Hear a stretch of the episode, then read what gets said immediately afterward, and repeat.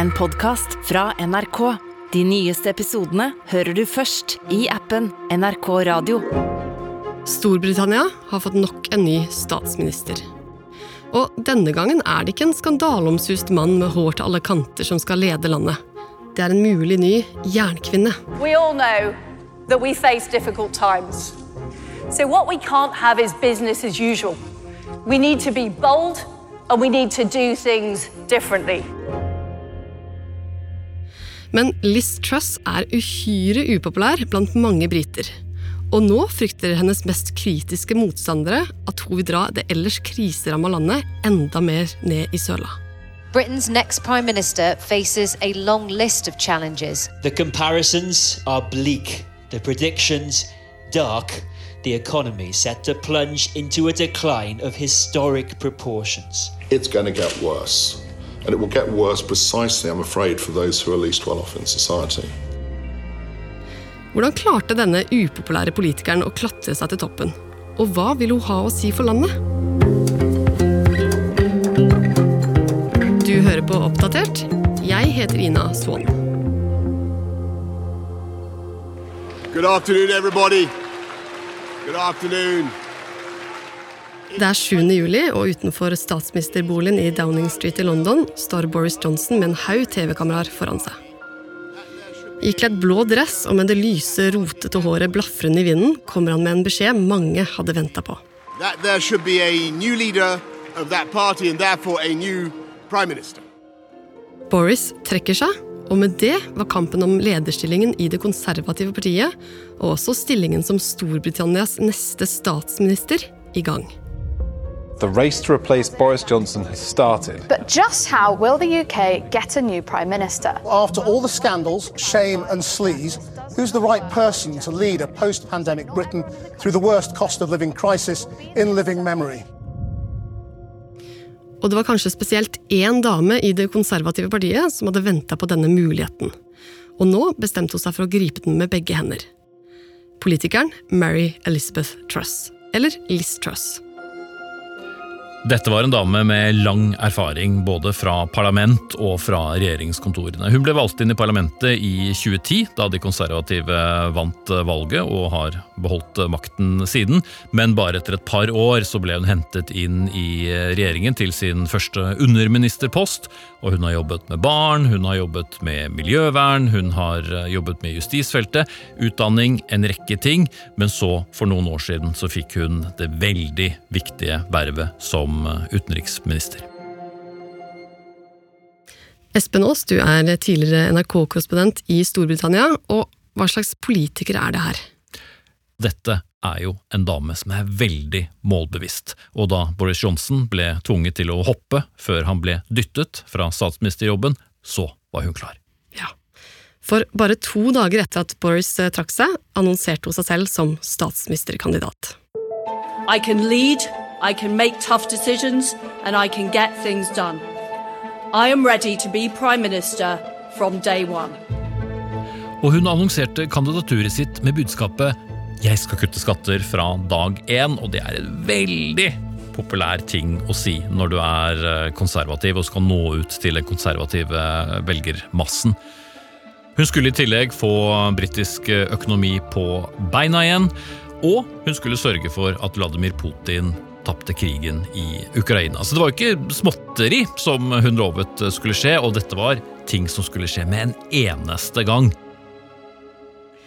Og med disse klare måla og lovnadene så ville Liz Truss kapre Storbritannias gjeveste jobb. Men det skulle ikke nødvendigvis bli en enkel oppgave, for flere hadde meldt seg på i lederkampen, og det var spesielt én som skulle bli en skikkelig hodepine for Truss.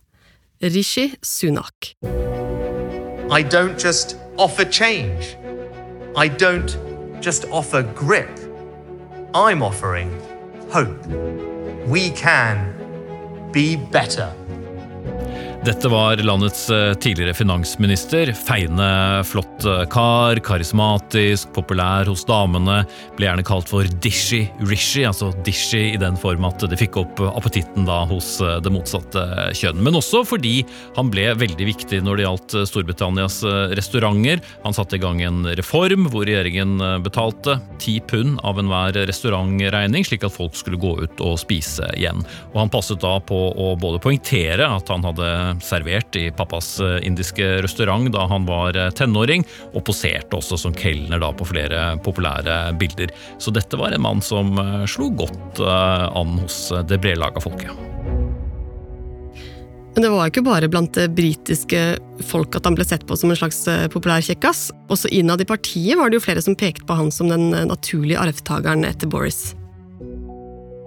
Han var eh, populær, men han gjorde én ting til, og det var at han dolket eh, sin egen statsminister i ryggen, i den forstand at han og flere andre ministre i regjeringen sa at nei, vet du hva, vi kan ikke fortsette å ha eh, en sånn leder, så vi trekker oss. Så han hadde snudd ryggen til Boris, og Boris Johnson måtte jo, som vi vet, etter hvert trekke seg fra jobben, og mange pekte da på Rishi Sunak. Så nå måtte altså Truss overbevise medlemmene i det konservative partiet om å velge henne framfor vidundergutten Sunak. Eller noen av de andre kandidatene som hadde stilt. Og Truss hun satte i gang. Med en gang hun hadde lansert sitt eh, kandidatur, så begynte hun å snakke med andre parlamentsmedlemmer av det konservative partiet. Hun måtte overbevise dem, og etter hvert reiste hun også land og strand rundt i Storbritannia, særlig England, da, for det er jo der du har konservative velgere, og møtte folk i hermetegn, altså partimedlemmer. Friends, ladies and gentlemen, it's fantastic to be here in Cheltenham. It's fantastic to be here in London. It's fantastic to be here in Leeds, my old stomping ground. For å bli den neste statsministeren i Storbritannia, så skal du ikke da velges av folket, som i en normal valgkamp, men her skal du først innstilles av parlamentsmedlemmene som sitter i Westminster, altså tilsvarende vårt storting, og så til slutt er det bare 160 000 betalende medlemmer av det konservative partiet som avgjør hvem som er landets neste statsminister. Og det var også da det begynte å bli trukket paralleller til en annen tidligere kvinnelig britisk statsminister, Margaret Thatcher, som var statsminister fra 1979 til 1990. Liz Truss begynte å ta på seg klær som eh, til forveksling lignet på noe som Thatcher gikk med. Hun poserte på en stridsvogn, noe Thatcher hadde gjort. Og så ble spørsmålet er dette den nye Jernkvinnen, som var tilnavnet til Thatcher. Så det kunne med andre ord virke som om Truss begynte å skape seg et slags tøft politisk image. Men ikke lenger etter at hun hadde annonsert sitt kandidatur, så måtte hun jo gjøre noe som var langt utenfor hennes komfortsone, og som skulle teste dette imaget litt. For nå skulle hun møte flere kandidater, blant annet hennes erkerival Rishi Sunak, i en direktesendt TV-debatt med millioner av seere. Welcome back to the Conservative Party leadership debate live on Channel 4. Og her var det jo knyttet uh, mye spenning. Det var mange kandidater uh, fortsatt. Og det er viktig å vite én ting. I motsetning til i Norge, hvor vi ser politikere debattere mot hverandre hele tiden på TV, så skjer det omtrent aldri på britisk uh, TV. Politikerne hater å gjøre det, og TV-selskapene sliter veldig med å få dem til å gjøre det. Og De står da foran eh, publikum, som er nøye utvalgt for så vidt, men det er klapping, det er buing og veldig uforutsigbart. Og det gikk jo ikke så bra for Liz Truss. That's the way I would address that issue. Okay. But it is wrong. Interest rates up, mortgages nightmare. It is. It is. No, well, we, we, we, Liz, we have to be honest. We, we have to honest. be honest. But borrowing your way out of inflation isn't a plan; it's a fairy tale. I think it is wrong to put taxes up because that is what we're talking about. Hun famler, hun tenker mens hun svarer, så allerede der så taper hun egentlig hele argumentasjonen. Og når du står der og famler med ordene og ser utover da et stort publikum i salen, og så vet du at det sitter millioner og atter millioner mennesker hjemme, og du er nødt til å ha troverdigheten i behold. Og det har jo egentlig vært et litt vedvarende problem for Liz Truss i mange av debattene. Ja, for det gikk jo ikke bra i de neste debattene heller. I'm, I'm campaigning in this, in this leadership election in a positive way about the, my experience and what the value that The point is, a very prominent supporter of yours i- is making very specific suggestions about the choice of clothing of your rival. And I'm asking you specifically whether you disown that. I, I'm not going to give Rishi fashion advice. Men mellom all famlinga så ble det jo også klart hva eh, denne dama egentlig sto for. Ja, for det, selv om det var ting hun ikke klarte å svare på, så var det andre områder hun hadde veldig klare meninger om. I'm, I'm very clear that a woman is a woman. And there is too much left wing identity politics. I support fracking in areas where there is local support. I think one of the most depressing sights when you're driving through England is seeing fields that should be full of crops or livestock full of solar panels. Og så fastholdt hun det hun sa helt i starten. Skattene skal kuttes. Vi skal betale mindre i trygdeavgift til staten, som har vært en av hennes store kampsaker. Og det var jo ikke nødvendigvis det folk ønska å høre i den eh, økonomiske situasjonen landet nå var i. Folk ønsket svar. De ønsket svar på hva skal de gjøre neste gang det kommer en strømregning gjennom døren. Skal de betale den og ikke spise, eller skal de spise og la være å betale strømregningen? Heat or eat, som det ble sagt. Og som alle vet, du blir ikke særlig mett og bare kniver og gafler på bordet. Og det fikk Truss kjenne på. people who are self-employed, people who go into work every day. Those, those are the people whose side we need to be on. I think, I think we have some infiltrators, and I, I will wait until they uh, are evicted. Så Truss havna på bånn i popularitetsmålingene blant folket, mens Rishi Sunak, han lå på topp. Men Truss, hun hadde et S i ermet. For i flere uker hadde hun jobba godt i kulissene med å overbevise akkurat de hun trengte å ha på laget sitt for å sikre denne drømmejobben, Espen. Kynisk sett så trengte ikke Liz Truss å bry seg om hva vanlige folk mente om henne overhodet. Det var jo ikke de som skulle velge henne, dette var ikke et vanlig politisk valg. Hun skulle velges av eh, medlemmene av sitt eget parti, og hun hadde klart å overbevise de folkevalgte i parlamentet, altså de konservative representantene der, og hun klarte også å overbevise medlemsmassen, altså alle de som var medlem av partiet. Hvordan da?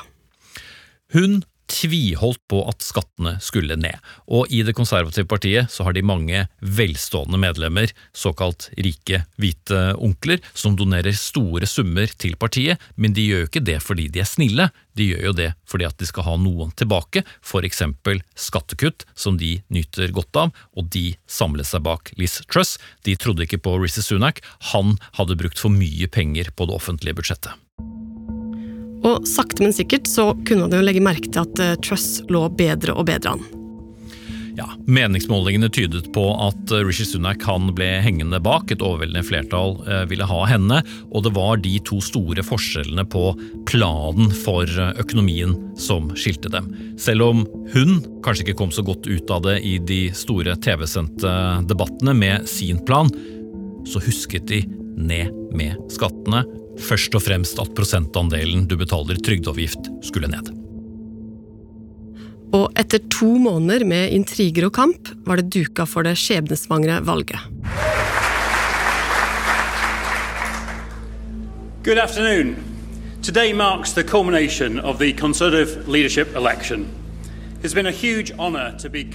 I en stor sal, sammen med flere hundre konservative medlemmer, sitter en utvilsomt spent Liz Truss andektig i en lilla drakt.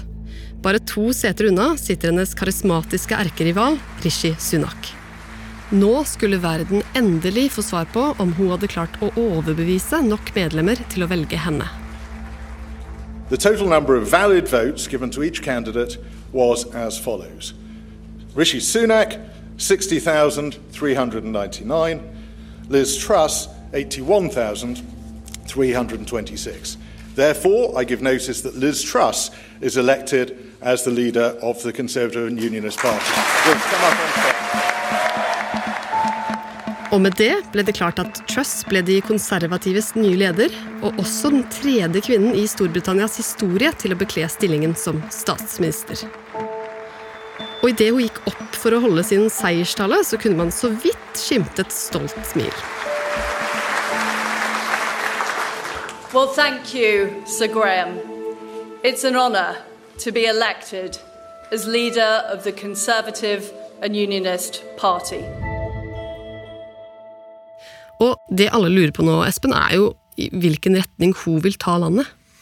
Hun har i hvert fall fryktelig dårlig tid. I det øyeblikket hun setter seg i bilen og reiser fra dronning Elisabeth etter å ha blitt godtatt da som nye statsministeren, så kommer knivene til å være ute. Hun skal lage en helt ny regjering. Hvordan skal hun gjøre det? Skal hun putte kritikerne sine inn i den regjeringen, eller skal hun ha dem ute? Hvordan skal hun forholde seg til Boris Johnson, som kommer til å være kritisk til alt hun gjør? Hvordan skal hun forholde seg til Rishi Sunak, som kommer til å være kritisk til eh, alt eh, hun gjør? Og hun kommer til å bli målt fra dag én. Gjerne snakker man om at en ny partileder og en ny statsminister har en viss fredningstid. Det har ikke hun. Så hva slags statsminister vil Liz Truss bli? Det er jo alle veldig spent på. Kommer hun til å være den litt tøffe typen som hun var som utenriksminister? Eller kommer vi til å se en litt mer famlende statsminister som kommer til å møte parlamentet hver onsdag i spørretimen, hvor hun ikke klarer å komme opp med svarene så raskt som vi så at hun slet med i alle TV-debattene?